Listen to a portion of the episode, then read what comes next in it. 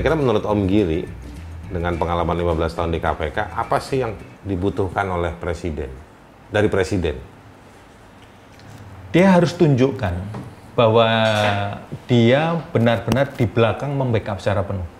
Dan itu diwujudkannya dalam bentuk dua hal.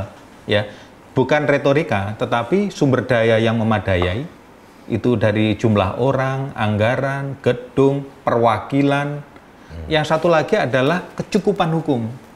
KPK ini cukup nggak hukum yang berantas korupsi? Kok cuma ngurus yang gede-gede saja? Hmm. Kepala BPN di kabupaten nggak bisa disentuh karena memang nggak berwenang. Okay. Oh, kalau dia berpikiran kenapa nggak kasih wewenang saja? Atau swasta sama swasta korupsi, kasih saja pemberantasan korupsi sektor swasta. Atau pengurus politik yang nggak masuk penyelenggara negara, ya udah bisa nanganin pengurus politik. Bahkan Inpres yang ada sekarang ini cukup nggak?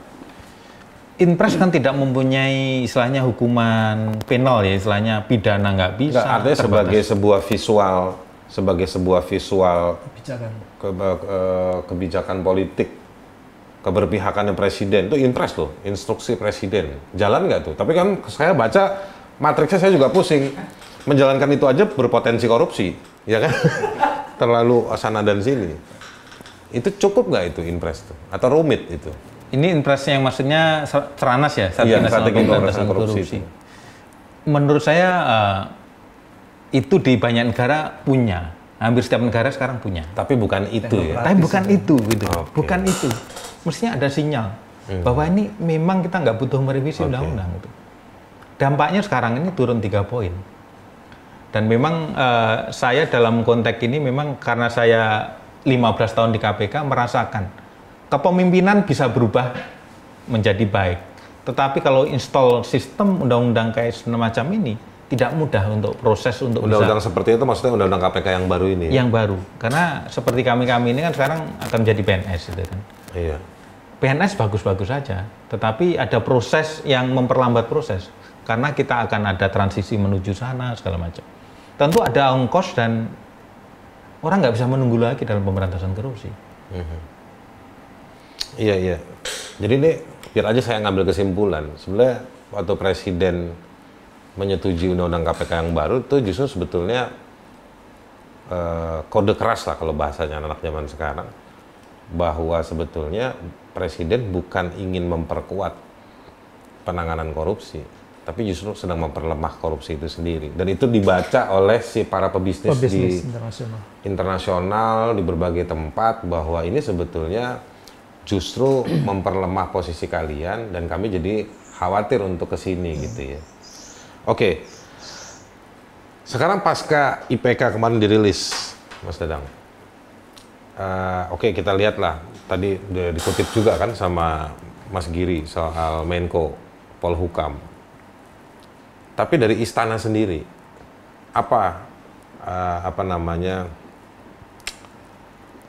rencananya apa cuma merespon aja statement di depan media atau udah dengar belum kira-kira apa yang mau dilakukan habis ini Karena atau jangan-jangan ini CPI ini atau IPK ini cuma jadi headline di dua hari pemberitaan media tapi istana juga nggak bisa nangkap sinyalnya jangan-jangan ini ini dia masalahnya Om Giri. Di istana gagal nangkap sinyal ini loh. Artinya tadi saya cuma nanya satu dua pertanyaan ke Mas Dadang, Mas Dadang bisa jelaskan dengan referensi yang bagus bahwa ini punya rela, uh, korelasi dengan para pebisnis. Hmm. Artinya sesim, sesimpel itu. Nah, iya. apakah ini gara-gara kompetitor bisnis juga ada di sekitar istana? Jadi info ini dihalangi untuk masuk ke istana sampai presiden kalaupun merespon ya hanya media aja. Hmm. Itu udah kesimpulan atau masih pertanyaan? Sebenarnya pertanyaannya begini. pertanyaannya, Mas Dadang tahu nggak di dalam itu jadi begini, sih? kalau saya lihat cara menyerapnya tuh gimana kalau ada info-info kayak begini tuh? Saya nggak tahu persis yang ada di sekitar itu ya, tetapi saya melihat kasus-kasusnya KPK saja. Iya itu kan selalu yang di OTT, yang diurus KPK, penjahatnya ya triumvirat ini. Iya. Politisi, birokrat, pebisnis. Politisi, birokrat, birokrat pebisnis. pebisnis. Tiga itu. Ini yang namanya political corruption sebetulnya. Iya. Ya. ini yang bisa, yang itu tadi. Orang-orang ini kan tidak semuanya ketangkep KPK, Iya, iya. ya kan? Bisa saja orang-orang ini juga ikut mempengaruhi proses pembuatan keputusan kebijakan publik, termasuk pemberantasan korupsi. Termasuk mempengaruhi bagaimana presiden atau lembaga kepresidenan merespon jika tiap tahun itu muncul ya Eh, IPK-IPK ini ya. Iya, sebetulnya begini, tahun 2017 Transparansi Internasional itu membantu kantor presiden KSP untuk merumuskan kebijakan anti korupsi Iya, yang stranas itu. iya. Kita dengan membawa seluruh hasil CPI dianalisis loophole-nya di sini, rekomendasinya ini kalau membuat kebijakan seperti ini seperti ini. Secara teknokratis jadi itu. Implementasinya, Nah itu dia.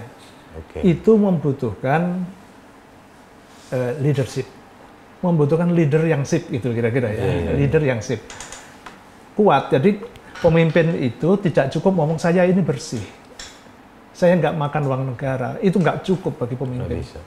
Dia harus memastikan yang lain bersih, Iya. orang yang bekerja untuk dia bersih, Iya, cari menteri yang bersih gitu.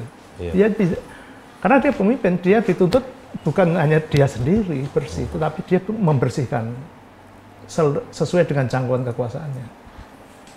itu yang harusnya dilakukan ya. Itu yang disebut eh, strong and effective leadership untuk anti korupsi.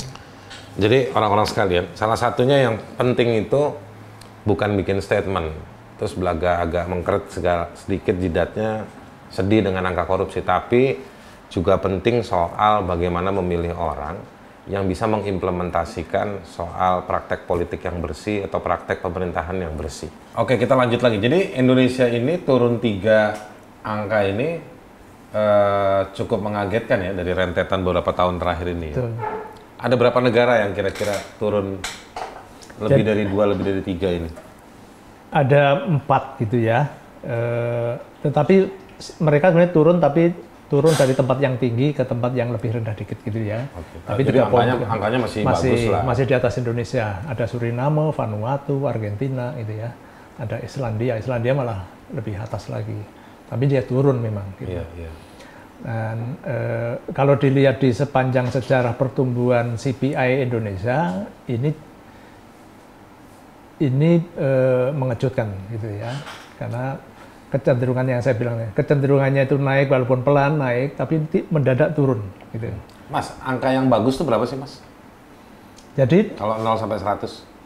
negara yang yang paling bersih itu 88, 88. itu Denmark sama New Zealand. Mereka gantian saja, kadang berdua juara satu itu. ya. Mereka pernah turun juga Batas, poin. batas normal 60, 55? Eh, sebetulnya kalau kita bisa secara angka psikologisnya melewati 50 itu udah bagus.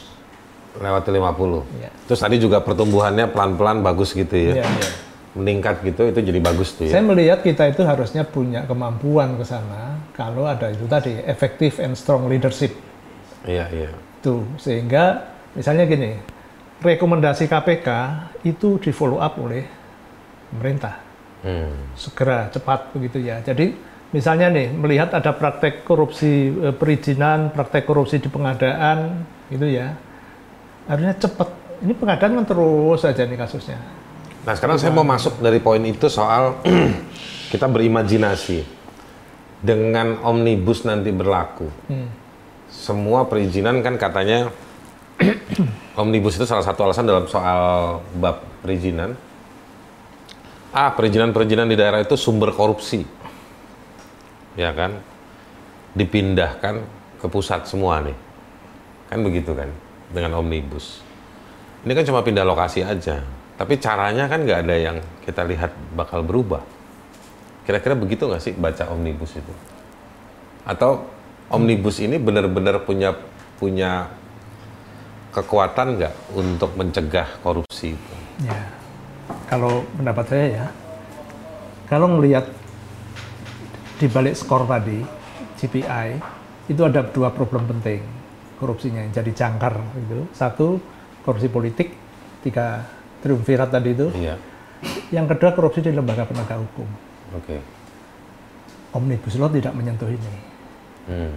Omnibus Law memang mungkin akan mengurangi korupsi yang eh, birokratik corruption, administratif corruption yang lebih kecil-kecil begitu, pungli dan lain-lain mungkin akan berkurang. Tetapi sumber atau pusat gempanya tidak di situ.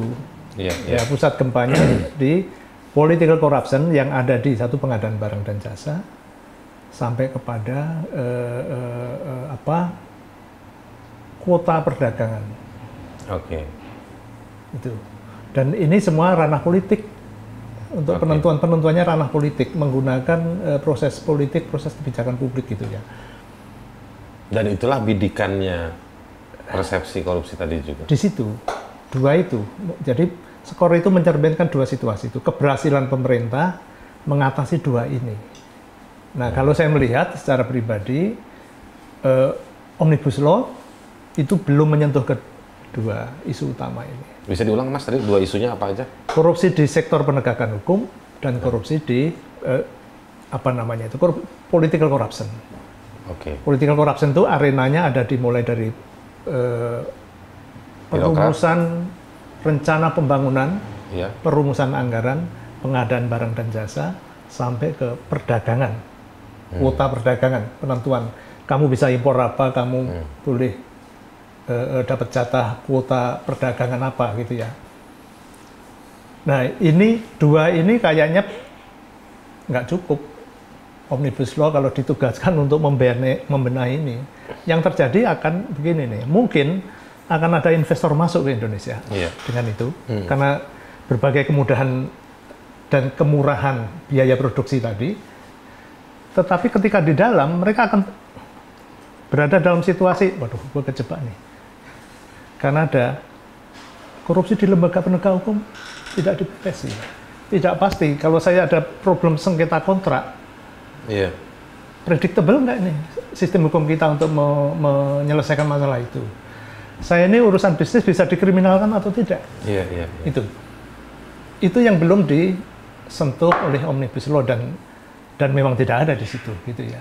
Hmm, Artinya tugas pemerintah ini udah lama sebenarnya sejak reformasi reformasi penegakan hukum kita ini paling konservatif lihat. Paling susah dilakukan. KPK sebetulnya dilahirkan untuk itu. Tapi Ya. satu paket dengan undang-undang omnibus, undang-undang KPK juga muncul tapi melemahkan. Betul. Jadi kalau saya melihat ini semua ini kayak relaksasi korupsi atau relaksasi pemberantasan korupsi gitu ya istilahnya. Iya iya. Sebenarnya kalau saya sih jujur aja saya agak ngeri ya membayangkan soal omnibus ini nanti begitu. Ini kan karena lagi banyak judicial review jadi belum diberlakukan. Tapi sudah banyak RPP disiapkan di sektor swasta juga banyak teman saya udah mulai diskusi dan tanya-tanya nih gimana nanti prakteknya. Begitu nanti dipraktekkan semua izin ada kewenangan itu dari pusat itu satu hal. Yang kedua nanti investor diundang datang. Tapi saya juga sebenarnya nggak yakin mas dengan IPK seperti ini. Lalu juga undang-undang omnibus ini menyediakan buruh murah ngambil tanah bisa saya enaknya investor-investor yang benar juga nggak bakal mau Betul, masuk. Ini kan pasti nanti ada investor kotor yang memang mungkin mau cuci uang dan lain-lain yang bakal masuk ke Indonesia. Akhirnya Boleh nggak lihat data saya? coba data data data. Data yang dinamika global. Ah, Oke, Mas. coba lihat. Ya, ntar ini dulu nih, ini ini nih. iya Ini hasil hasil asesmennya Transparansi Internasional untuk negara-negara anggota OECD. Ya, Hmm. sejauh mana negara itu mengenforce praktek misalnya penyuapan pejabat publik asing. Jadi kalau saya orang Jepang masuk anggota itu, saya berbisnis nih ke Indonesia. Negara ini melarang nggak nih? Artinya gini, kalau di Amerika sama Inggris itu kalau pebisnis Inggris berbisnis di Indonesia menyuap, dia kena bukan hanya Iya, di sini iya. tapi kena di sana. Gitu. kena di sana juga betul Nah ini yang yang komitmen enforcementnya sebenarnya sedikit itu negara-negara yang punya komitmen untuk mengenforce itu ya. Jadi kemungkinan nanti negara-negara yang akan berinvestasi di Indonesia itu yang merah itu misalnya. Cuma dua ini aja. Ah, misalnya begitu tuh. Yang dari situ. Karena tesisnya terus ke bawah lagi coba. Dan dari negara-negara ini yang indeks prestasi korupsi apa persepsi korupsinya bagus cuma sedikit ya. Nah, ini contoh kasus aja ya, contoh kasus nih, Airbus nih, kasusnya Iya. sudah jalan, ya. Airbus itu dari mana? Negara yang CPI-nya lumayan tuh, 68. Gitu ya. Nah dia bisnisnya di sini nih, dia nyuap di negara-negara ini nih, Hmm. yang CPI-nya rendah. Jadi Ya. kita kayak menyediakan Lahan, arena, arena, buat orang-orang dari negara yang di sana mereka nggak bisa korupsi masuk ini ke nih gue sini. kasih tempat. Kita nih arena, Bos. Tidak. Coba lagi, lagi, lagi, Iya, lagi ya. Terus tu- turun lagi, turun lagi. Nah, sebentar, sebentar. Yang naik lagi, naik lagi. Satu yang, lagi, satu. yang ini sedang ongoing ini, bombardir nih, bombardir. Ini negara yang bersih tuh, 85. Ranking 3 dia, Swedia itu. Ya, Kanada ranking 11 dengan skor itu. Hmm. Jadi skor 77 ranking 11. Gitu ya. Masuk ke Indonesia bisnisnya, nyewa pesawat macam-macam itu. Itu mereka nyuap di situ. Ini investigationnya di Kanadanya, di Swedia atau di sini? Investigation bukan belum di sini belum. Belum ya. Ah, ah. Ini yang disebut Erick Thohir kemarin dikembalin aja itu pesawat-pesawat karena ini ada masalah korupsi gitu. Hmm. Selain Tapi dia nggak bayar. nyuruh cari siapa koresponden korupsinya di Indonesia. Karena pasti dia pakai intermediary di Indonesia Betul. untuk nyuap itu. Ini situasinya begini. Ini cerita tentang omnibus tadi ya hubungannya. Iya, iya. bahwa kita itu kalau hanya mengandalkan buruh murah dan sumber daya alam, tata kelolanya nggak dibenahi, buruhnya sengsara, alamnya rusak, korupsinya nggak bisa diatasi. Dan nanti si investor-investor dari negara-negaranya begitu masuk ke sini berpraktek Di situ, terkait dengan praktek-praktek buruk, mereka juga dipersekusi juga di sana Betul, secara hukum betul. kan. Dan kita makin tidak menarik bagi investor. Dan sampai di situ persepsi kita makin ambrol ya. Betul. Yang Tapi mudah-mudahan tidak seperti Najib nasib kita Najib. Yang Najib bawahnya Malaysia, lagi. ya kan? Bawahnya lagi, ini PC saja terus terus terus turun lagi. Ini beberapa kesimpulannya. Sebagian pebisnis dari negara-negara bersih menyuap pejabat publik asing saat mereka berbisnis di negara-negara korup. Jadi negara-negara yang korup lebih disukai oleh pebisnis yang korup. Itu Iya. udah hukumnya begitu ya. Sementara pebisnis yang bersih cenderung menghindari atau meninggalkan negara-negara yang korup. Hmm. Itu.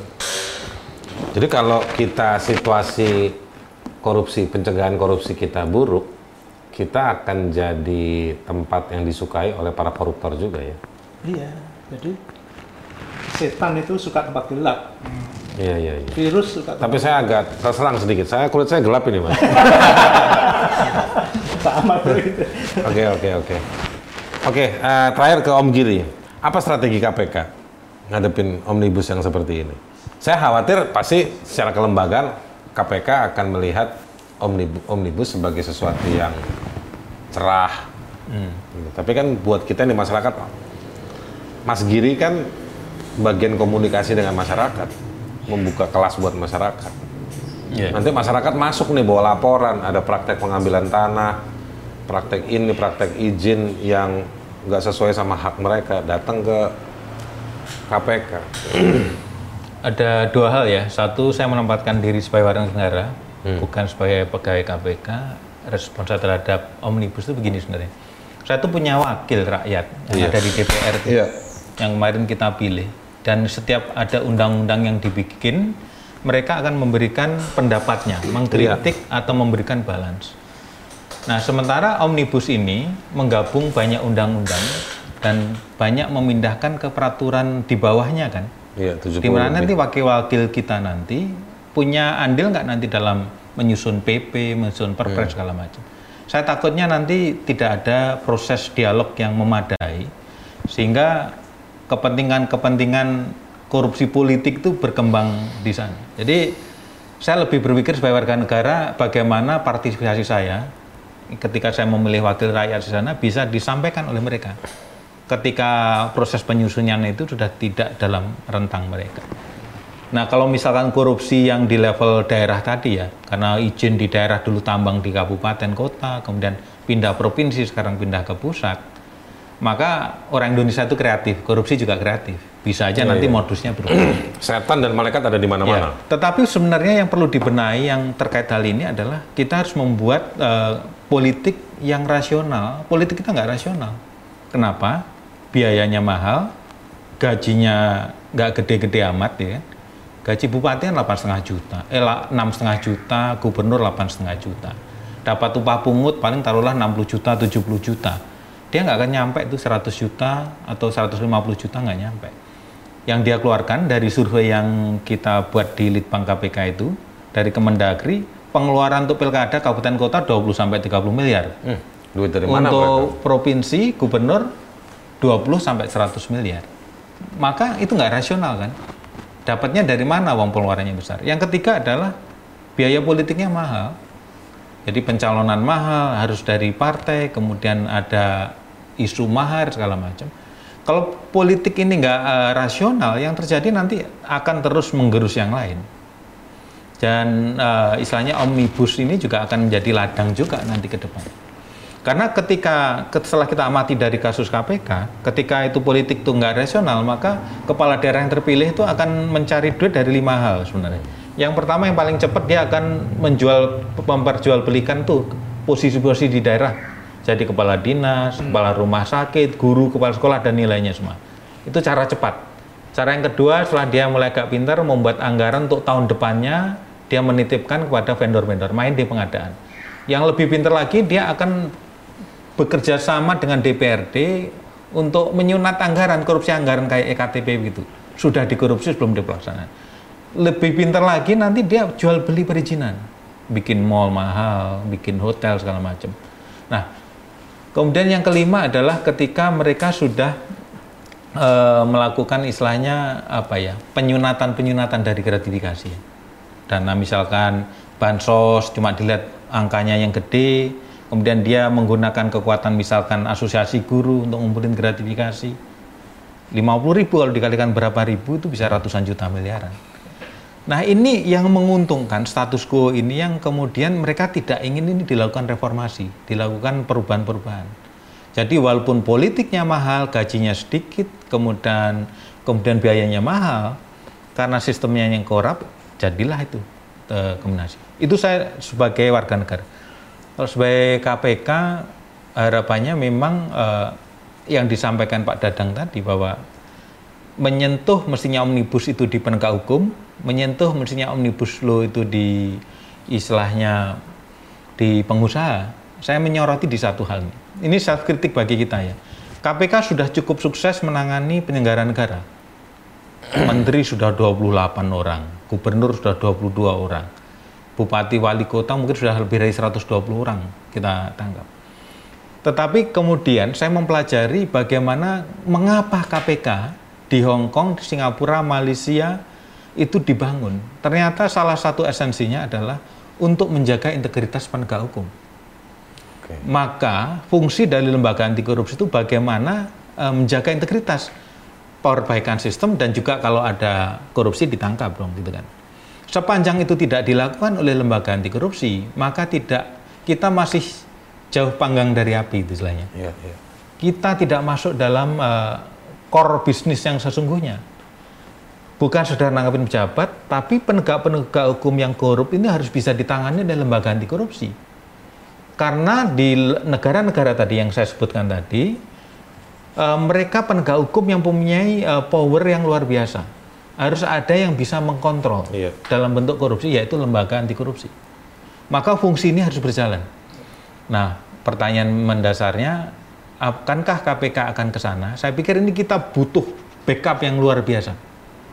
Dan yang paling ideal dari DPR dan Presiden sebagai kepala negara dan pimpinan lembaga-lembaga itu untuk memberantas korupsi ya begini. Belum lagi yang kedua, kita masuk ke ranah korupsi sektor swasta. Swasta sama swasta korupsi harus ditangani dong gitu kan. Satu-satunya negara di Asia Tenggara yang belum menangani tinggal Indonesia. Tetangga kita sudah semua. Perusahaan swasta sama swasta korupsi ditangkap dua-duanya. Tetapi di negara kita belum. Maka swasta menikmati kebebasannya berkorupsi, pegawai negeri menjadi korban dalam konteks ya, iming-iming tadi. Sementara dalam sisi politik kita menghadapi politik yang enggak rasional. Mungkin itu ya terlalu serius ini jadi Enggak, enggak. Sebenarnya kita bisa lebih serius lagi. enggak, tapi eh, baik karena waktu juga, jadi kita harus akhiri buat orang-orang sekalian. Diskusi ini terlalu banyak data yang sangat menarik dan bagus. Saya dari tadi sebenarnya waktu Mas Giri ngomong, saya sebenarnya pikiran saya lagi bingung nih kok kesimpulannya apa nih nutupnya. Eh, dua narasumber ini eh, apa namanya terlalu banyak memberikan eh, informasi yang penting sampai saya jadi agak ragu mau kasih kesimpulannya apa. Tapi kira-kira saya mau balik ke judul soal indeks uh, persepsi korupsi. Jadi indeks persepsi korupsi ini sebenarnya bukan iseng-iseng survei. Ini survei yang sangat serius dan setiap tahun dirilis hasilnya secara komparatif dari berbagai negara dan itu harusnya dan bisa dijadikan sebagai petunjuk keberbahayaan uh, keberlangsungan dari satu negara. Nah, pertanyaannya kemudian, apakah Indonesia punya kemampuan untuk menyerap informasi dari indeks persepsi korupsi tersebut? Atau dia hanya menjadi satu lontaran statement saja untuk uh, terhadap si IPK tersebut? Yang jauh lebih penting sebetulnya kalau menurut Mas Dadang tadi dan juga dari Mas Giri, IPK itu harusnya dia bisa menyerap ke dalam kebijakan untuk memperbaiki soal sektor uh, politik, hukum, dan juga bisnis. Karena tanpa ketiga ini, Anda bisa ugal-ugalan dengan bisnis, Anda bisa hidup, tapi barangkali itu justru membangun satu jebakan atau jurang uh, kerusakan politik. Yang sebetulnya kalau dalam kasus di Malaysia itu justru memakan diri sendiri pada si penguasa ya, misalnya kayak gitu kan menikmati bisnis, korup, lama-lama sebenarnya secara politik itu dia menggerus, menggerogoti. Ada banyak uh, kalau anda nggak puas sama kesimpulan saya ini, kamu setel ulang lagi aja YouTube-nya yang uh, edisi ini, diskusi ini ada banyak hal tadi uh, poin-poin yang sangat uh, bagus sekali. Saya uh, pada akhirnya cuma mengucapkan terima kasih kepada Mas Dadang dan juga Mas Giri. Uh, anda silakan browsing dua orang ini uh, Mas Dadang Trisasongko dan Mas Giri Supraptiono Supradip Gerak Giri saja. Udah Giri KPK dia. Saya di HP saya namanya Giri KPK. uh, eh, Mas Giri jadi uh, atau di webnya KPK sebenarnya banyak bahan juga, uh, banyak hmm. informasi hmm. juga. Uh, kalau soal apa namanya IPK ini Anda bisa buka webnya Transparansi Internasional Indonesia atau Transparansi Internasional saja itu juga banyak. Saya juga suka ngintip, sering ngintip di situ untuk uh, apa namanya lihat perkembangan-perkembangan uh, dan masih banyak lagi berita-berita dan sumber informasi terkait dengan uh, bahaya korupsi ini, terutama dalam menghadapi praktek omnibus law uh, di Indonesia. Kira-kira begitu.